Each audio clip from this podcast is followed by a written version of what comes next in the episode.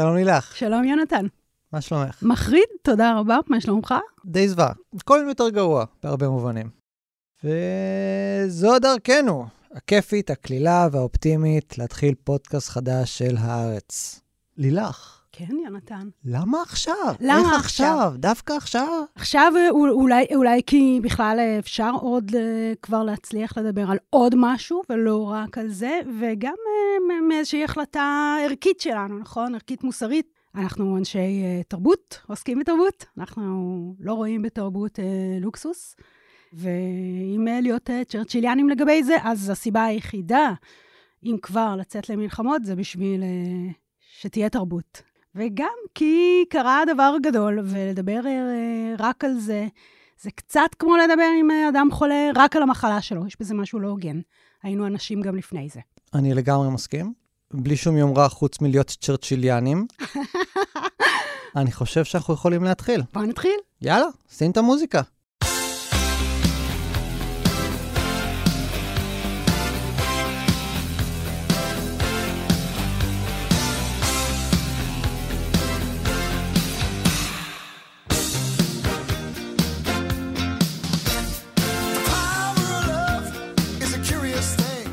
שלום לילך. שלום, יונתן.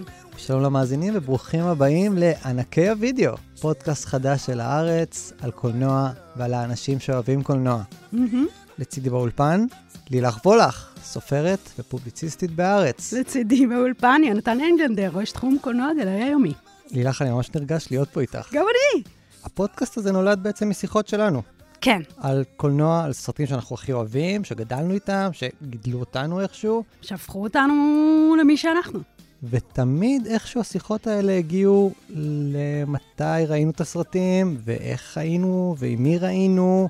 כאילו, הבנו תוך כדי השיחות שלנו שמה שמעניין אותנו זה לא רק הסרטים, כמובן, אנחנו רוצים לדבר קצת על עצמנו. בעיקר על עצמנו, בחוויית הצפייה של סרטים. כן, כן, ואני חושבת שננסה לעשות את זה גם בפודקאסט שלנו, את התנועה הזאת בין האנשים שהיינו אז כשצפינו בסרטים, ואיך הם פגשו אותנו אז, ומה אנחנו היום, ואיך הסרטים האלו מחזיקים היום. שזו גם אה, שאלה. באיזה סרט טוב יותר להתחיל איתו, בשביל לדבר על העבר והקשר שלו להווה, מבחזרה לעתיד. כן.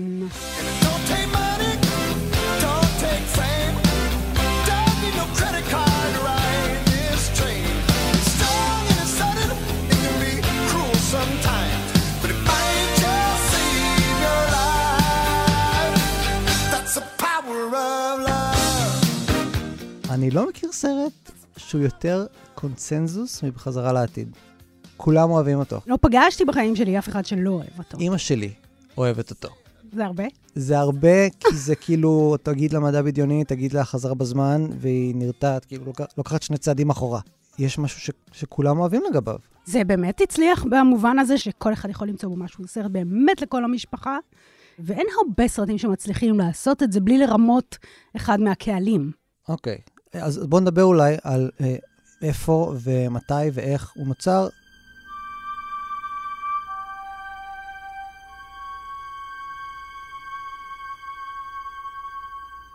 זה סרט מ-1985 של רוברט זמקיס. אם יש מישהו שלא ראה אותו, אולי אנשים צעירים מאיתנו, וואו, אה, אז לא נגיד, חשבתי על זה אפילו. נגיד, יש דבר כזה. אנשים צעירים מאיתנו, כן, זה אני יודעת, אבל ש- שלא ראה את זה, כן. נגיד שבשורה שזה עלילותיו של uh, תלמיד תיכון, מרטי מקפליי, שחוזר uh, בח- לעבר והורס, לא בכוונה, את פגישת ההיכרות בין הוריו, ומסכן את היחסים העת- העתידיים שלהם, ובכך מסכן את עצמו, כי אולי הוא לא ייוולד. זה בגדול. כן. אז הוא חייב לתקן את זה לפני שיהיה מאוחר מדי. מהמם. ואני רוצה שנייה שנדבר על הרגע הקולנועי הזה, 1985. זה עשור אחרי המפץ הגדול של הוליווד, שני מפצים, שזה מלתעות ומלחמת הכוכבים. ביניהם בנו את אה, עולם שוברי הקופות, שאנחנו עדיין חיים בו. כן. אז לא עוד אה, סרטים אומנותיים כל כך, אה, פחות אה, קופולה וסקורסזה וכאלה, ויותר סרטים קצביים, מהירים, לכל fun, המשפחה. Fun סוף סוף. מילת המפתח היא בדיוק זה, Fun. אז בשנים ש... שלפני, אז יש לנו סרטים כמו E.T. ושודדי התיבה האבודה, ומכסחי השדים, וגרמלינס, וסיוט ברחוב אלם, שזה לא כולם לכל המשפחה, אבל זה כולם מכוונים לקהל צעיר, כולם כיפים. כולם זכורים. אין, אין, אין כל כך הרבה סרטים זכורים שעושים, בכלל בשנים האחרונות, ש, שאתה יכול להגיד, 30 שנה אחר כך יצפו בזה אנשים וייהנו. אז בחזרה לעתיד נוחת ברגע מאוד מסוים, שגם הקהל הצעיר ורוצה כיף, רוצה סרט fun, וגם חזרה בזמן. זה דבר שהקהל יכול לקבל אותו בזרועות פתוחות, כי הוא כבר ראה אה, שדים ורוחות וחייזרים, וזה הכל הפך להיות מאוד מאוד מנורמל. זה באמת הסרט שהכי הרבה הביא ל front את הרעיון של מסע בזמן, שהאם יש רעיון מדהים מזה, יונתן? כל דבר נהיה טוב יותר עם מסע בזמן. זה לא הנושא הכי מדהים בקולנוע או בכלל? אה, אולי אהבה, לילך. לא, אבל זה לא, אהבה היא לא נושא, אהבה היא לא נושא, אהבה היא דבר כזה שקורה, זה, אהבה, כמו מוות, כמו לידה, בסדר גמור, הכל בסדר. מסע בזמן! אתם לא ראיתם, אבל לילך עשתה אגרוף באוויר. כי, fucking מסע בזמן. זה mind blowing, וזה, וזה הצליח לחצות כאילו... אני אומרת מהמדע, כאילו זה מדע, כאילו זה דבר שאפשרי היום, אבל זה כן הצליח. אנחנו כולנו מבינים by now, אנחנו מכירים איזה זמן, יונתן, אתה ואני, אה, שאני לא הרחבתי פיזיקה בתיכון. נכון? לא. אנחנו מבינים את זה. אה, אבל ההסבר של time traveling, של מסע בזמן, שנותן אה, אה, בחזרה לעתיד, הוא הסבר מקובל עליי לחלוטין. אני חושבת שאפשר לעשות את זה בדיוק ככה. אוקיי. אה, אבל אנחנו קופצים קדימה. נכון, נכון, נכון. במרכאות. אז השעונים.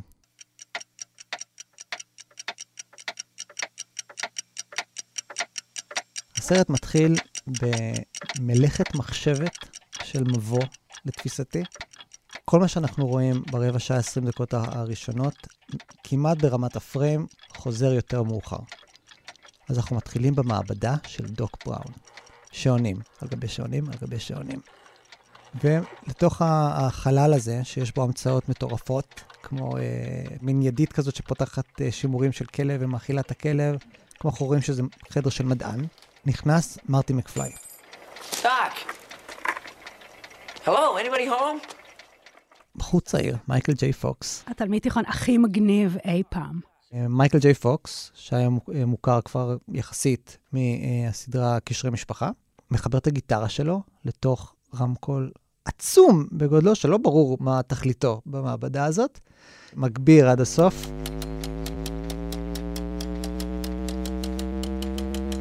ומפוצץ את המעבדה.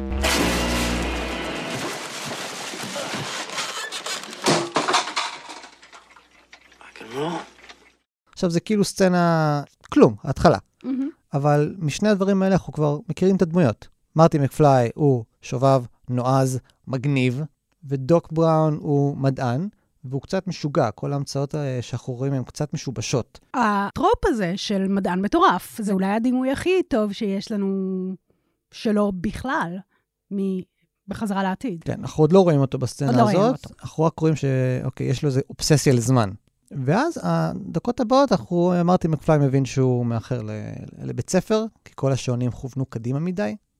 הם בעתיד, Mm, אה? אה, כן. ואנחנו רואים את, אה, את, את העיירה שבה הוא גר, הוא מסתובב עם הסקייטבורד, וכל הדברים האלה שאני אומר פה, כאילו כדרך אגב, הם חוזרים. כלומר, אותם שוטים של העיירה, אותו שימוש בסקייטבורד. והוא בלהקה, והוא מתחרה עם הלהקה שלו ב-Battle of the Bands, איזשהו אירוע בית ספרי, והוא יותר מדי רועש.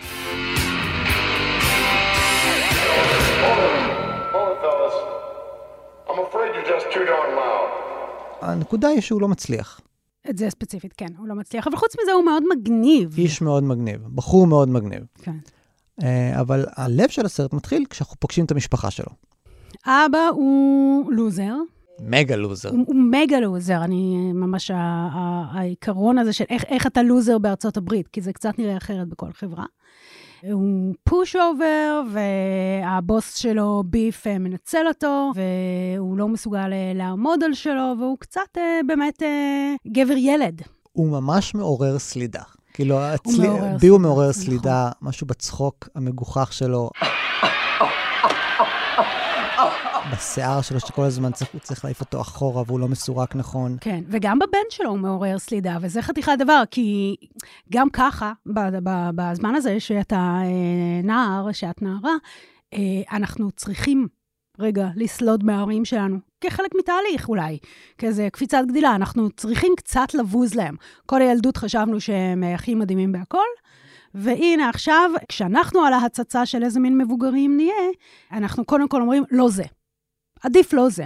לצערי, אני צריך, זה אומר שאני צריך להציג את האימא. בבקשה, לך ואני אצ- למיזוגניה. אני אציג אותה בצורה לא נעימה, אבל כי, כי הסרט מציג אותה בצורה זה נכון, אה, זה לא נכון, זה נעימה. לא אתה, זה לא אתה. זה לא- הפעם. זה לא אני שאומר אלכוהוליסטית שמנה. נכון. הסרט אומר, יש לפנינו אלכוהוליסטית שמנה, ומובסת, יש בה משהו כבוי נורא. ומצטדקת. צדקנית מאוד. צדקנית מאוד, היא אומרת לבת של האחות של מרטי, I think it's terrible. Girls chasing boys. When I was your age, I never chased a boy or called a boy or sat in a parked car with a boy. ויש לנו פה רמז ראשון לאיך הייתה הפגישה שלהם, של ההורים. ההורים נפגשו כאשר אבא של אה, האימא, לוריין, פגע בטעות בג'ורג', האבא, והיא נאלצה לטפל בו כמה ימים. סיפור התאהבות הוא, אני האחות הרחמניה שלך, ואז, ומאז היא מטפלת בו. בעצם זה מה שקורה בסרט, היא מטפלת בו לאורך כל חייו. ואז מגיע המסע בזמן. הם קבעו בלילה, הוא ודוק בראון, אוקיי, בואו נתעכב שנייה על דוק בראון, אדם מבוגר. הוא נראה כל כך זקן שם. אני מבינה עכשיו שהוא כאילו, לא יודעת, למד שנתיים מתחתיי בתיכון באותו שלב. בכל מקרה, הוא אדם מבוגר מאוד, שמתקשר לטינג'ר ואומר לו, פגוש אותי באחת ורבע בלילה. ו-it was the 80's, אז כאילו, סבבה. הסרט לא מתעכב באף שלב, גם לא בסרטים הבאים, על טיב החברות ביניהם, טיב ההיכרות ביניהם. כן. אה, זה לא דבר שקיים בסרט, אנחנו רק יכולים להמציא מה שמתחשק לנו להמציא. כאילו, אני חושב שאם אתה רוצה להיות לא ציני לגבי זה, אז הייתי אומר שעבור אה, מרטי זה דמות אב אלטרנטיבית. בהחלט. כאילו מישהו שהוא הוא, הוא גם קצת ליצן באיזושהי בחינה, אבל לפחות הוא, הוא לא נלעג כמו אה, אבא שלו. נכון. ואנחנו יודעים שלדוק בראון אין ילדים, אז כאילו זה מין בן. לא, כאילו אין לו משפחה בכלל. כן, כן. זה סוג של בן סרגייט, כן. אם אני רוצה להיות ציני לגבי זה, ואני רוצה להיות ציני לגבי כן, זה, בבקשה. אה, דוק בראון בסרט הזה הוא משמש כפונקציה על- עלילתית. כלומר, אנחנו צריכים דרך להביא את מרטי בחזרה לעבר. איך עושים את זה? מדען מטורף, שיהיה מצחיק. My calculations are correct. When this baby hits 88 miles per hour, you're gonna see some serious shit. ובמקרה הזה, בוא נדבר שנייה על הליהוק. כריסטופר לויד הוא מדהים בתפקיד, הוא כמעט טוב יותר הוא, מכולם, למרות שהדמות שלו היא בסופו של דבר קצת קריקטורה. בוודאי, הוא רק מדען מטורף. וגם דיברת מקודם על הליהוק של מרטי, אז זה לא הליהוק המקורי. כפי לא, שאת זה יודעת, לא. כי דיברנו על זה בתחקיר המקיף שערכנו. בהחלט. אריק סטולץ היה אמור להיות מקפליי המקורי, ואף צילמו איתו אה, חודש ויותר, כן. והבינו שהוא לא האיש הנכון לתפקיד, הוא היה רציני מדי. הם יכלו לשאול, הייתי מספרת, אריק סטולץ, השחקן ששיחק במסכה, הוא לא מתאים לזה. את זוכרת במסכה? אני זוכר אותו בתור המסומם בספרות זולה. הסוחר סמים של... כן, זה הרבה שנים אחר וינסנט. כך, אבל נגיד, אז, אותה תקופה בערך, מה חשבתם? שזה הולך להיות קומדיה? כי זה אריק סטולץ, הוא לא בא להרים. בדיוק, ומייקל ג'י פוקס כן בא להרים. הוא מה אז בא כאילו, להרים, הכימיה ממש. ביניהם, בין אה, מרטי ודוק, עובדת מצוין, למרות שבעיניי היא פשוט משמשת פונקציה אה, עלילתית. לגמרי, ועדיין הוא גונב את ההצגה. ועוד מי שגונבת את ההצגה, זו המכונית.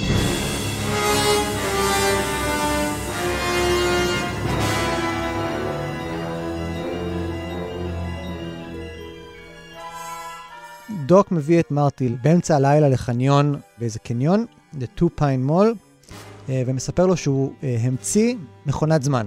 והמכונת זמן היא אה, מכונית דלוריאן, שאני לא ידעתי, שזה פשוט מכונית אמיתית שהייתה קיימת. Minute, Doc. Uh, are you telling me you built a time machine? Out of a DeLorean? The way I see it, if you're gonna build a time machine into a car, why not do it with some style? ובשביל להפעיל אותה צריך פלוטוניום, שאותו הוא גנב מטרוריסטים לובים שגנבו אותו, את הפלוטוניום, מאיזשהו מפעל. בשביל לבנות פצצה.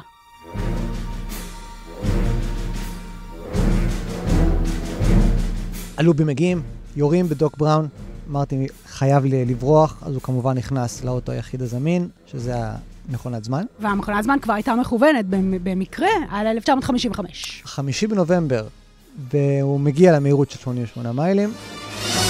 see if you bastards can do 90.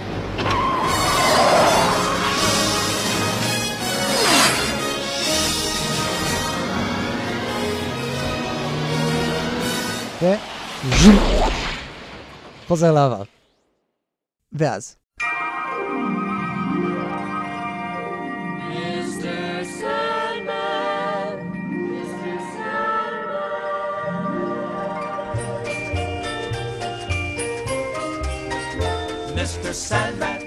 איפה הוא נוחת? הוא נוחת בדיוק באותו מקום, אבל הכל שונה. הכל שונה, הוא מסתובב קצת בעיירה, מבין שהשכונה שבה הוא גר בכלל עוד לא הוקמה. ואנחנו שוב רואים את אותם, כמו שדיברתי בהתחלה, אותם שוטים כדי לזהות שזו אותה עיירה, אותם מקומות, אותם מוסדות, פשוט 30 שנה אחורה. והרגע המכריע הוא כשהוא נכנס אה, לדיינר המקומי ופוגש את ג'ורג' מקפליי, את אבא שלו. אבא שלו כשהוא היה אה, נער, בגילו בערך. בגילו. בוא נשים בצד את החוסר הסתברות הגמור של זה, סבבה, התיישבת ליד אבא שלך בדיוק. אבל, יכול להיות שכאן, כי זו שאלה שדיברנו עליה בינינו, על מה הסרט? על מה הוא הסרט הזה בכלל, חוץ מעל מסע בזמן, מה הלב שלו. וכאן אולי מתחיל הלב שלו. זאת אומרת, האם אתה מכיר את ההורים שלך? האם אתה רוצה להכיר את ההורים שלך? האם היית מסתדר איתם כשהיית נער? זו הייתה נקודת המוצא לכתיבת התסריט. וזו הייתה נקודת המוצא. כן. שאל את עצמו בוב גל, שכתב את התסריט, האם הייתי יכול להיות חבר אה, של אה, אבא שלי? ואני רוצה להרחיב רגע את השאלה, האם אנחנו מכירים את ההורים שלנו? אז אני גם חשבתי על זה הרבה, והתשובה שלי היא שמצד אחד אנחנו מכירים אותם הכי טוב בעולם, כי אה, אנחנו איתם כל הזמן, אה, הקשר הוא הכי אינטימי שיש, בטח בילדות. ומצד שני, ממש לא. ממש לא. כי כל מה שקרה לפני שנולדת, אם אתה בכלל מקבל אותו, אתה מקבל אותו בגרסאות נוסטלגיות, פולקלוריסטיות של סיפור פה, סיפור פה, ובסוף אין לך מושג. קודם כל, אנחנו מקבלים אותם דרך התפקיד שלהם. זאת אומרת, הם אבא שלנו, הם אימא שלנו, הן אימא שלנו, כשבעצם הגרעין הבלתי ננגע זה הדברים שהם רצו להיות לפני שאנחנו הגענו והפכנו את עולמם על פיו, אה, היו דברים אחרים. למשל, כשאני נולדתי, ההורים שלי היו כמעט טינג'רים. זאת אומרת, ממש, אימא שלי עוד לא הייתה בת 20. אז יש לי איזושהי היכרות עם הגרעין הצעיר שלהם. אבל גם, אני אגיד, הד- הדברים מאוד משתנים בעצם זה שאתה נהיה הורה, והתפקיד שלך נהיה חלק נורא גדול. ואני אגיד, אה, לא, אנחנו לא באמת מכירים את ההורים. שאל אותך הפוך, האם ההורים שלך מכירים אותך? את הגרעין הפנימי? מעולה, את... אני לא יודע. אני לא רוצה להעליב את ההורים שלי. אנחנו נעליב אותם הרבה פעמים בפודקאסט הזה, אני חוששת. אה, אני חושב שמכירים את המהות, אבל אה, כל הפרטים הם, הם, הם לא, לא, לא מבינים. כלומר, זה מין, עקפתי אותם, סוג של. ודיברת לגבי השתנות, אבל מה שאנחנו רואים בסרט, נחזור לסרט, שג'ורג' מקפליי הצעיר, הוא עדיין אפס. כלומר, הוא תמיד היה אפס. הוא, מה זה, הוא, הוא ההתחלה של זה, זה, זה עוד הרבה יותר מרוכז, כי זה ממש השלב של ההיבנות של אפסיותו. אנחנו פוגשים בחור צעיר, אה, לא בטוח בעצמו, יושב רכון כזה למטה, וכבר אז אה, ביף, אותו ביף ש, שהפך להיות אחרי זה אה, קולגה ובוס שלו, בחור מהתיכון, שפשוט מתעלל בו. ומנצל אותו. בולינג. כן. Hey, McFly! What do you think you're doing? Hey, I'm talking to you, McFly, you Irish bug. Oh, hey, Biff. Hey, guys. How are you doing? Yeah, you got my homework finished, McFly? Uh, well, actually, I figured since it wasn't due till Monday. Hello? Hello? Anybody home? Hey, think, McFly, think. I gotta have time to recopy it. זה נראה לי הרגע המאוד לא נעים עבור, כאילו, אני חושב על זה מנקודת המבט של מרטי, שכאילו כשאתה רואה את אבא שלך, אתה אומר, טוב, אבא שלי זה אבא שלי, והוא, גם כשהוא אפס, הוא אבא שלי. כן. ופה אתה רואה בחור צעיר ונלעג, ואיך זה לחוות את זה מנקודת המבט שלו. וואי, אבא שלי אפס. כן, בחור בגילו, שהוא בחיים לא היה חבר שלו, שזה גם הבנה צורבת. האם היית חבר של ההורים שלך? והוא הוא יודע שלא. אז הוא עוקב אחריו, ואז אנחנו רואים שג'ורג' טיפס על עץ, והוא מציץ אה, אל עבר מי שתהיה אימא של אה, מרטי, לוריין. כן, הוא מציצן. הוא מציצן. למרבה המזל, הסרט מספיק מודע לעצמו בשביל שהוא ייגאל מזה, מרטי. מרטי נגאל מזה. הוא אומר, אה, מציצן. הוא נופל מהעץ, ואז מגיע הרגע ששמענו עליו כבר, שהאבא של אה, לוריין אמור לפגוע בו עם האוטו.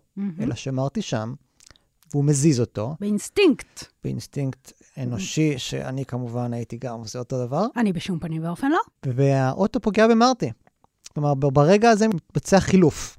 מרטי מחליף את אבא שלו. כן. וכאן, אם ההפרות החמורות של אה, חוקי המסע בזמן לא היו חמורות אה, מספיק, אנחנו ממש ממש מבינים שנוצר שיבוש. נוצר שיבוש גדול באיך שההיסטוריה הייתה אמורה להתארגן. אנחנו עוד לא מבינים את זה פה. אנחנו מבינים, איך לא? אנחנו מבינים שהאירועים הולכים להשתנות, כי עובדה, משהו, משהו קרה. אנחנו עוד לא יודעים מה ההשלכות לא, לא בהווה של מההשלכות, מרטי. אבל, אבל, אבל הדבר הגדול, רגע ה, ה, המפגש האפשרי של ההורים שלו נהרס. זאת אומרת, כן. עד עכשיו הוא דיבר עם אבא שלו, הוא לא היה אמור לעשות את זה בסדר.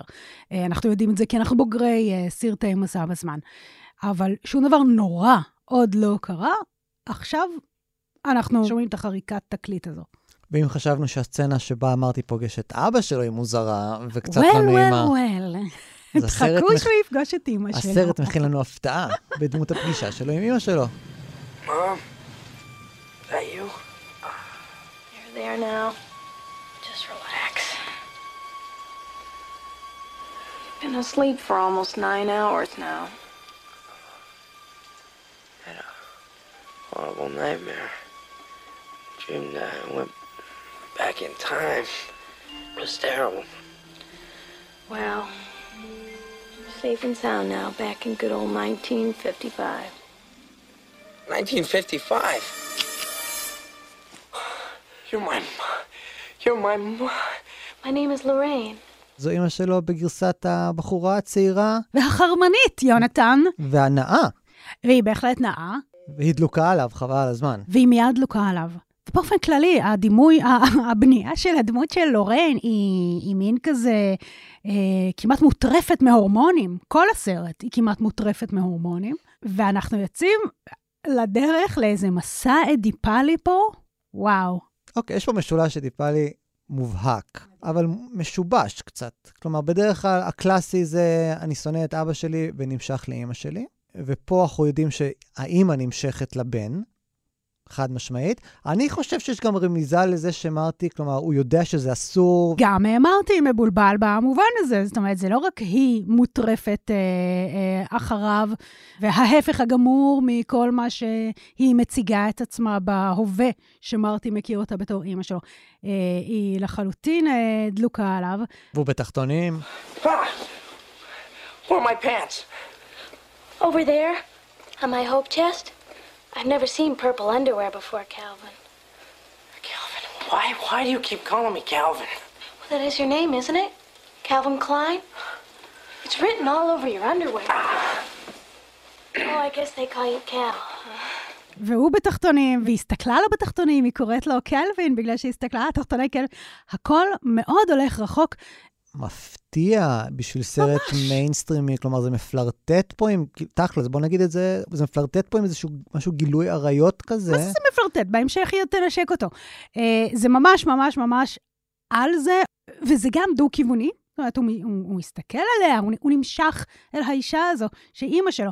אה, אני אגיד, אני חושבת שאנחנו היינו יותר אה, כאילו מרגישים cringe אם היינו. יודעים שזה... לא, גם אנחנו, במסע בזמן שלנו, יונתן, היינו מרגישים קרינג' אם היינו פוגשים את ההורים שלנו, זאת אומרת, אה, זה לא היה מין כזה, Oh my God, that's an option, it is not. אבל המסע האדיפלי, אם, אם אנחנו הולכים רגע לבייסיקס, זה לרצוח את אבא שלך ולשכב איתי עם אמא שלך, נכון? במובנים מסוימים, אנחנו נראה בהמשך, כיוון שמרטי כבר התערב להם בחיים, הוא רוצח את אבא שלו, הוא רוצח את אבא שלו כפי שהוא אה, במציאות שהוא מכיר. הוא רוצח את האישיות הלוזרית ומשהו אחר נוצר. אה, והוא לא שוכב-שוכב עם אמא שלו, אבל אה, הוא בהחלט מתנשק איתה. מעניין לציין שג'ורג' בעצם הוא אותו דבר, רק בקטן. כלומר, זה האבא שפגשנו בעתיד, מהמם. בהווה, יותר נכון, כן. זה האבא שפגשנו בעבר. האימא היא הפוכה. כלומר, כן. היא, היא נכון. לא אה, אלכוהוליסטית שמנה וצעירה ומתחסדת, אלא היא בדיוק ההפך, היא בחורה נאה, חרמנית. שותה, מתחילה מעשנת. לשתות כמו, כמו שכל אה, נער תיכון אה, בתקופה, או לפחות בקולנוע, בטח. אה, מעשן ו... היא אומרת, כל. כל מי שהוא מישהו שותה. אוקיי, אז, אז מרטין מבין בסופו של דבר שכל זה, זה מאוד מוזר ולא אמור לקרות, והוא בוודאי לא ייתן לאימא שלו לגעת לו ברגל מתחת לשולחן אה, ארוחת הערב, מהמם. והוא בורח. בורח והוא הולך לחפש את הפתרון לכל הדבר הזה, שזה את המדען. כן, המדען, שאנחנו יודעים שה-5 בנובמבר 1955 זה היום שבו הוא הגה את הרעיון של מסע בזמן, כי זה ה... כש, כשדוק בראון בהווה מכוון את המחוגים, הוא אומר באופן אקראי, כן, זה היום שבו המצאתי את זה. והוא פוגש את דוק בראון, ואז קורה הדבר הדרמטי, אולי הכי דרמטי בסרט, כלומר, שבעצם מפעיל אה, שעון, עוד פעם שעון, שעון חול, וזה שהוא שולף תמונה, אמרתי שולף תמונה מהארנק שלו, למי מאיתנו אין צילום שלנו עם האחים שלנו בארנק? לא חשבתי על זה. לך אין? אוקיי. אני אדם סביר, חוץ מזה יש לי פלאפון. וזו תמונה של הוא ושני, אה, אח, אחיו ואחותו. ודוק בראון שם לב שהאח מתחיל לדהות. האח המבוגר האח- ממנו. האח של העתיד. ומזה אנחנו מבינים שהמעשים של מרטי עד עכשיו גרמו לשיבוש במה שהיום היו קוראים לו Space Time Continuum. ויכול להיות שהוא לא, הוא עצמו בעתיד לא יתקיים, כי ההורים שלו לא יהיו ביחד. Now remember, according to my theory, you interfered with your parents' first meeting. If they don't meet, they won't fall in love, they won't get married, and they won't have kids. That's why your older brother's disappearing from that photograph. Your sister will follow, and unless you repair the damage, you'll be next.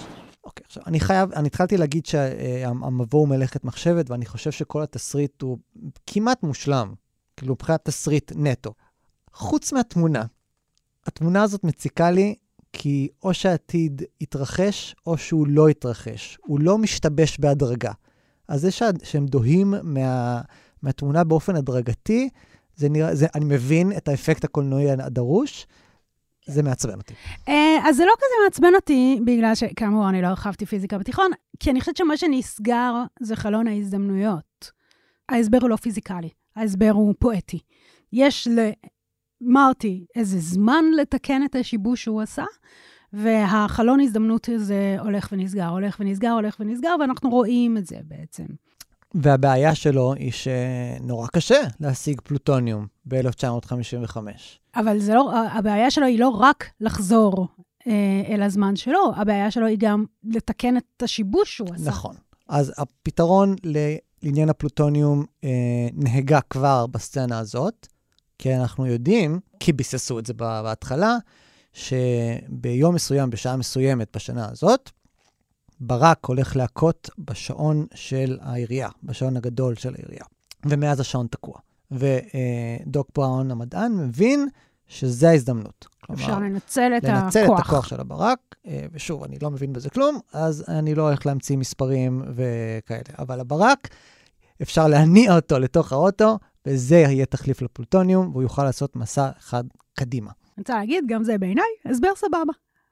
זורם. למה לא? אם ברק יכול להחיות את פרנקנשטיין, בדיוק. אז הוא יכול גם להניע...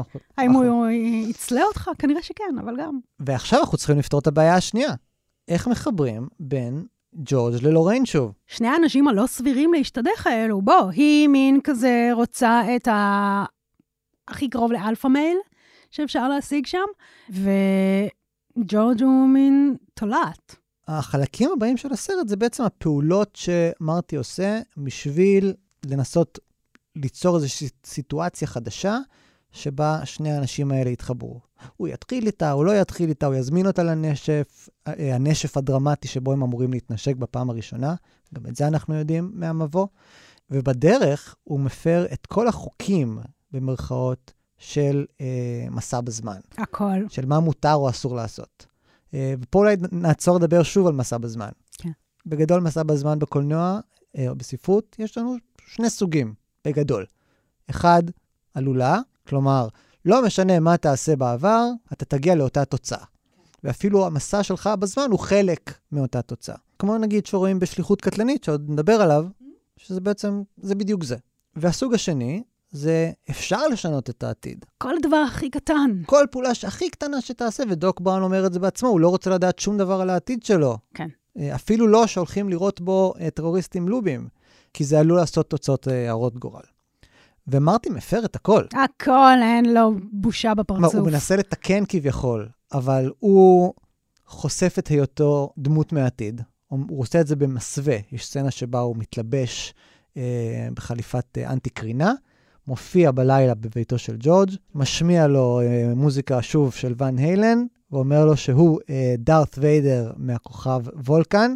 מבינה את הבדיחה? בהחלט, כן, כן, אני מספיק אה, חנונית לצערי בשביל זה. ושהוא חייב, חייב, חייב, חייב אה, להיות עם לורן ולהזמין אותה לנשף, או שהוא ימיס לו את המוח. ובעצם, זה הכל מסתכם בזה שמרטי מביים סצנת אה, התאהבות שונה בתכלית מסצנת ההתאהבות המקורית. סצנת ההתאהבות המקורית זה לורן מטפלת באיש מסכן שנפגע, ילד מסכן שנפגע. הסצנה שמביים מרטי, או שהוא מנסה לביים, היא כזו. הוא יצא עם לורן, עם אימא שלו, שהלא ממש- הדלוקה עליו. כן, לנשף. ינסה אה, למשש אותה לגעת בה באוטו. היא תתנגד, כמובן, כי זה מה שמצופה מאמו החסודה. מהמם. ואז ג'ורג' יבוא, ייתן לו אגרוף. יציל אותה, הוא יאביר על הסוס הלבן, אה, והיא תתאהב בו. עכשיו, גם אם הת- התוכנית משתבשת, אבל גם אם לא הייתה משתבשת, זה סיפור ההיכרות כאילו הפוך ממה שאמור לקרות. זה, זה גם סיפור היכרות הפוך, זה גם, אה, אם, אם, אם, אם ירשה לי רגע להיות אה, יותר הארץ מהארץ, הטריוויאליות שבה מתעסקים עם תקיפות מיניות של האישה האומללה הזאת, היא כאילו, וואו. זה, זה, זה כמובן לא דבר שבצפייה ראשונה או שנייה או שלישית, לדעתי, הבחנתי בו עד כמה, אני מדברת על הילדות נערות שלי, עד כמה זה קיצוני. קודם כל, אם אנחנו דווקא במסע האדיפלי, אה, הרעיון הכי טוב שיש למרטי זה שהוא ינסה אה, to get handsy אה, עם אימא שלו, ואז אבא שלו יציל אותה מידיו. כבר שימוש מאוד אינסטרומנטלי באימא שלו. אבל זה. כלומר, זה, זה מתלבש בדיוק על איך שהוא מכיר את ההורים שלו. כלומר, הוא, או איך שהוא היה רוצה להכיר את ההורים שלו יותר נכון. כלומר, הוא היה רוצה אימא חסודה, שלא מרשה לגברים נכון, זרים לגעת בה, נכון והוא. היה רוצה אבא גיבור. alpha male, כן. נכון. אז, אז הוא מייצר עבורם את המין אה, פנטזיה הזאת, תוך כדי זה שהוא לוקח חלק פעיל מדי בסיפור הזה. You mind if we park for a while? That's a great idea. I'd love to park. Huh. Marty, I'm almost 18 years old. It's not like I've never parked before. What? התוכנית משתבשת. למה היא משתבשת? כי כשהם באוטו, מחוץ לנשף, מרטי ולוריין, והוא מתחיל כאילו אה, להז... להניע עניינים, וואי, אני כל כך גרוע ב... ב... התכוונת להגיד להזרים? אני לא יודע, אני לא יודע. אה, הוא מתחיל אה, לנסות לגעת בה, נהיה יבשים. היא הכי בקטע. וואי, מה זה בקטע? מדי. היא מעשנת, היא מוציאה אה, בקבוק אלכוהול. היא גם אומרת לו מין כזה, אני כמעט בת 18, זה לא פעם ראשונה שאני חונה, אם אתה יודע למה אתה מתכוונת, קריץ קריצה. אבל מי שמוציא אותו מהאוטו הוא ביף. You caused 300 bucks damage to my car, you son of a bitch. And I'm gonna take it out of your ass. Hold on. עכשיו, ביף לא משחק משחקים. ביף לא בא להעמיד פנים שהוא תוקף אותה, כמו אמרתי. עכשיו, ביף שונא את מרטי, כי מרטי השפיל אותו באחת הסצנות, והיה מרדף מכוניות מסעיר. מאין הוא באמת. היה מסעיר. לא, באמת, אחלה. Mm? והוא בא להתנקם. אה, אז אחרי שהוא מעיף את אה, מרטי, ואז יש לנו פה הטרדה מינית מספר 2, או וואו. 3, אני כבר לא עוקב. לא, זה כבר תקיפה מינית, אני מצטערת, אני אני אצטרך להתעקש על זה. הוא ממש הולך על זה הרבה יותר מדי. כשמוציאים את לוריין מהסיפור, היד שלו בתוך השמלה שלה. ואז כשג'ורג' בא להציל את לוריין מידיו של מרטי, הוא פוגש פתאום את אויבו המושבע והמשפיל שלו, ביף. ביף. Hey, you! Get your damn hands off! Oh, I think you got the wrong car, McFly. George, help me, please. Just turn around, McFly, and walk away. זה הרגע שמשנה את עתידו של ג'ורג'. של כולם, מסתבר. וזו שאלה האם, כלומר, זה משהו מאוד קולנועי, הרעיון הזה של, יש רגע אחד בעבר, בהיסטוריה שלך, שבו אתה צריך לעשות משהו, ואז כל החיים שלך משתנים בעקבות. משתנים. אה, נגיד רק מה הרגע, הוא נותן אגרוף לביף, זה גדול מאוד. נכון. האם יש רגע כזה בחיים שלך, יונתן, שקרה משהו ושינה לדעתך את אה, המשך החיים שלך? כאילו, אני העליתי את הנושא, והיית מצפה שתהיה לי תשובה מוכנה, אבל לא חשבתי, לא חשבתי לענות על זה.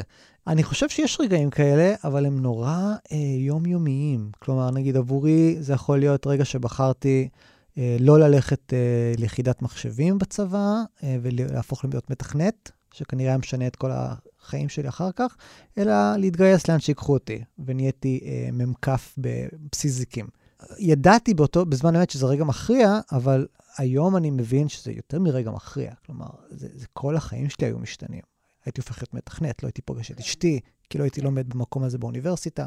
אז יש רגעים כאלה. שאתה רואה את הפעולת שרשרת אבל בעקבות. הם נורא מצהירים על עצמם ככאלה. תיקח את העבודה או לא תיקח את העבודה הזאת. תעבור לחו"ל או לא תעבור לחו"ל. זה לא נתתי סטירה למישהו. למרות שלתת סטירה בשביל אה, ג'ורג' זה, זה אגרוף, זה אחד גדול. אז חוץ מהרגע שבו פגשת אותי, יש לך עוד רגעים כאלה? שחיי השתנו לנצח. אני חושבת שכן, הייתי בת אה, 12 ורציתי להתקבל לבית ספר, לבית ספר לאומנויות, שהיה כזה מבחנים, והגיע מכתב שלא התקבלתי. כמובן. אל תגיד כמובן, לא. כיוון שאחרי שבוע הגיע המכתב, אה, בעצם כן התקבלת. כמובן, חי... מסלול חיי השתנה, אבל יותר מהכל שינה אותי הרעיון הזה שמאחורי כל מכתב של לא, יש מכתב של כן. ואם אני רק ארצה מספיק, אז תשובות גדולות, חד משמעיות, אה, השתנו. אה, זה כמובן אה, לא נכון, וחבל שזה הלקח המעוות שלקחתי מהסיפור הזה. אבל זה כן, זה כן מה שהסרט בעצם מראה לנו, שהרגע הזה זה הרגע של ג'ורג', הוא משתנה. כלומר, אנחנו עוד לא יודעים שהעתיד השתנה, אבל כי, כי בעצם התמונה שיש למרטי ממשיכה לדהות. כלומר, כי כן, היה אגרוף, כן, לורן איתו בנשף, אבל עדיין הרגע, עוד רגע כזה מכריע, שזה הנשיקה ביניהם, הרגע הזה עוד לא התרחש. ובשביל להניע שוב ולהציל את המצב שוב, מה שמרטי צריך לעשות, זה לשנות את המוזיקה.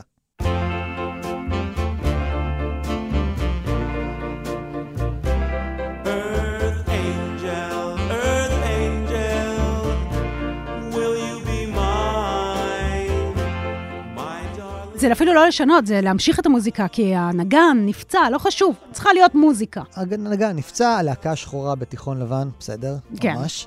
אה, אבל אה, המוזיקה מפסיקה, והם מפסיקים לרקוד, וצריך שמישהו ינגן. ומי אם לא מרטי מקפליי, שאנחנו יודעים מהרגע הראשון של הסרט בעצם שהוא נגן גיטרה, הוא רק רוצה את הבמה. אז הוא מנגן. אז הוא מנגן את השיר שאמור להיות מנוגן, Earth Angel, שזה הרגע שבו הם מתנשקים, ואז, אבל אז גם לא יש רגע. כלומר, זה היה הרגע של לוריין וג'ורג'. זה נפתר. אבל גם למרטי מגיע רגע. והרגע, הרי אנחנו זוכרים שהוא נגן גיטרה, אנחנו זוכרים שהוא לא התקבל ל-The Battle of the Bands, because he was too damn loud, והוא נסחף ברגע, וגם לו יש את הרגע שלו שהוא מנגן מוזיקה שהוא אוהב מול התיכון.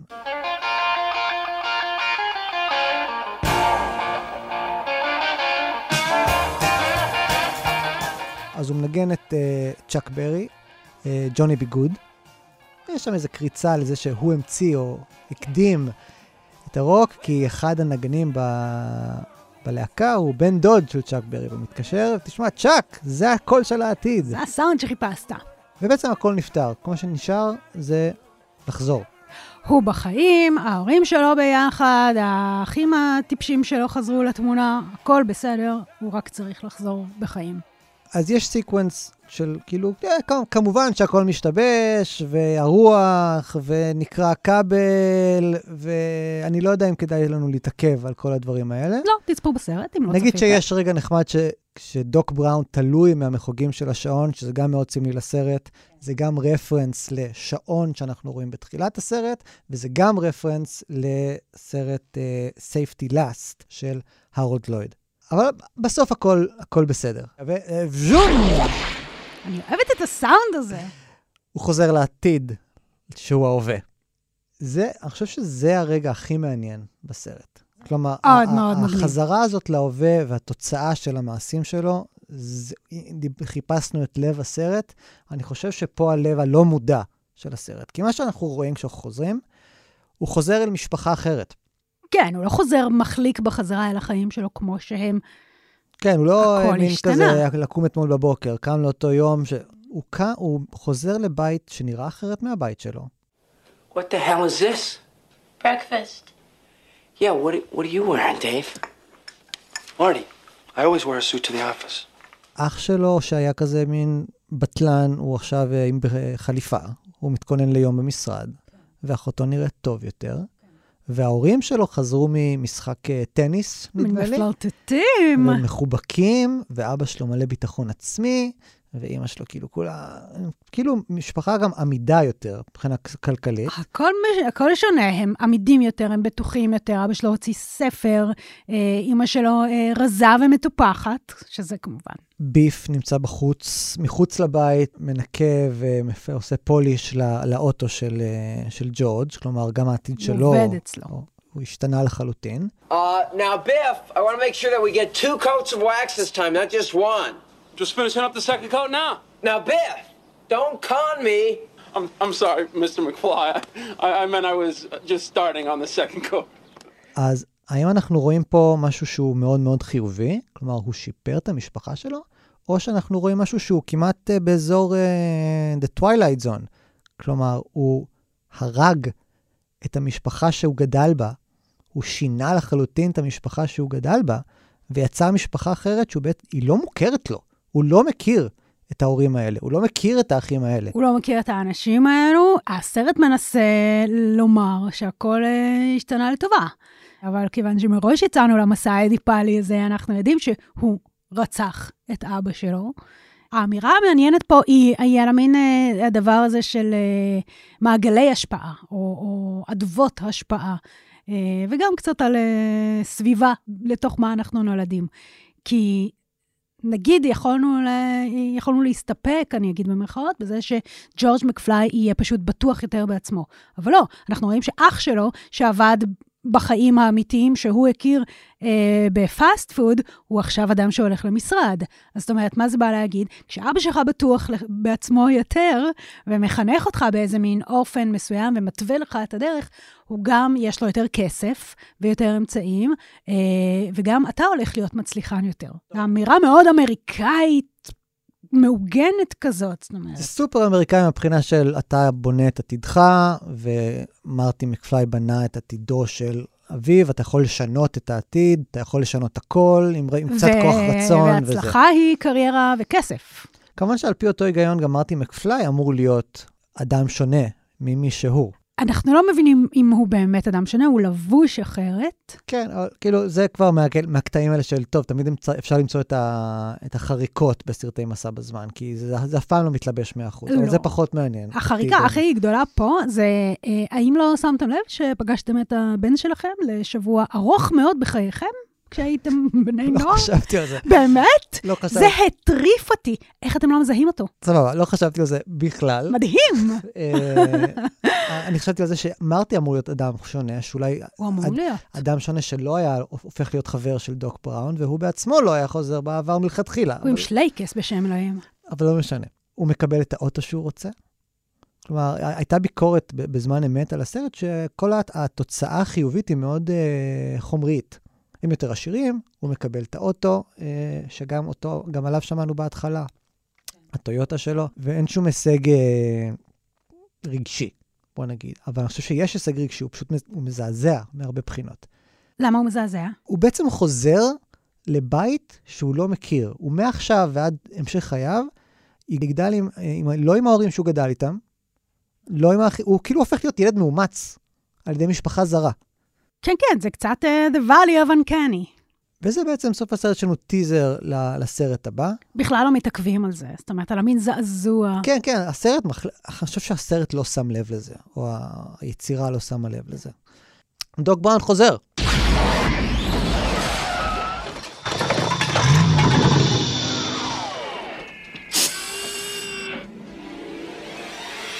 Marty! You've got to come back with me! Where? Back to the future! הפעם הוא חוזר מהעתיד, והוא אומר, הוא נותן לו טיזר לסרט ב', בגלל שהפעם מרטי צריך להציל את הילדים שלו.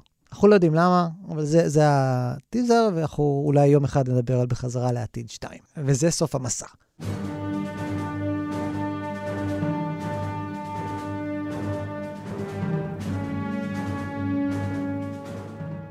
כיפי נורא. כלומר, אני בצפייה הזאת, שראיתי את הסרט כבר כמה פעמים, כמובן, אה, זה עדיין עובד, זה עדיין כיפי זה נורא. סופר עובד. זה, זה נראה מצוין, אני רוצה להגיד, ה-80's פה נראים כמו ארצות הברית היום בכל מיני אזורים. זאת אומרת, גם באופנה, גם בהתנהלות, זה לא נראה כל כך שונה. אבל בכלל, זה סרט כל כך כיפי ומהודק. זה עבד לי מאוד. כל כך טוב, שאתה מחליק את הדיפליות, ואתה מחליק כן. את ההטרדות, ואתה כן. מחליק את, ה, את הסוף ש, שדיברנו עליו, כי פשוט זה מסע שאתה רוצה להצטרף אליו. כלומר, אני רוצה, כי הרי כולנו רוצים להיכנס לדולוריאן ולנסוע לאי שם. כן, וזה, וזה דמות הטינג'ר הכי חביבה בכל גיל, אני חושבת, אה, שהייתה אולי אי פעם בקולנוע האמריקאי. כי בני נוער, אה, בעיקר אה, בנים, כמו שהם עוצבו בקולנוע, נוטים ליפול לאיזה מין משבצת של או שהם המרדן, או שהם החנון, או שהם איזה פושע. מייקל ג'יי פוקס הוא כל כך לייקבל. קיבלתי. אז אולי נסיים עם לאן היית אה, חוזרת אחורה בזמן? אם היית או, יכולה? וואו, לא חשבתי על זה בכלל. לאן הייתי חוזרת אחורה בזמן?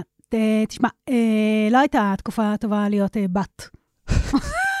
יואו, לילך. אבל יונתן, תחשוב על זה סוף- רגע. סוף אופטימי לפרק הראשון. אבל תחשוב על זה רגע. ה-60's, ב- ב- במובנים ה... ה- לא... אני מצטערת, אני הולכת להיות קלישאה לגבי זה. עיניו מזדגגות. אה, אני חושבת שה-60's אה, יכולים להיות אה, מגניבים ומעניינים ופורצי קווי האישיות המקבילים של עצמי.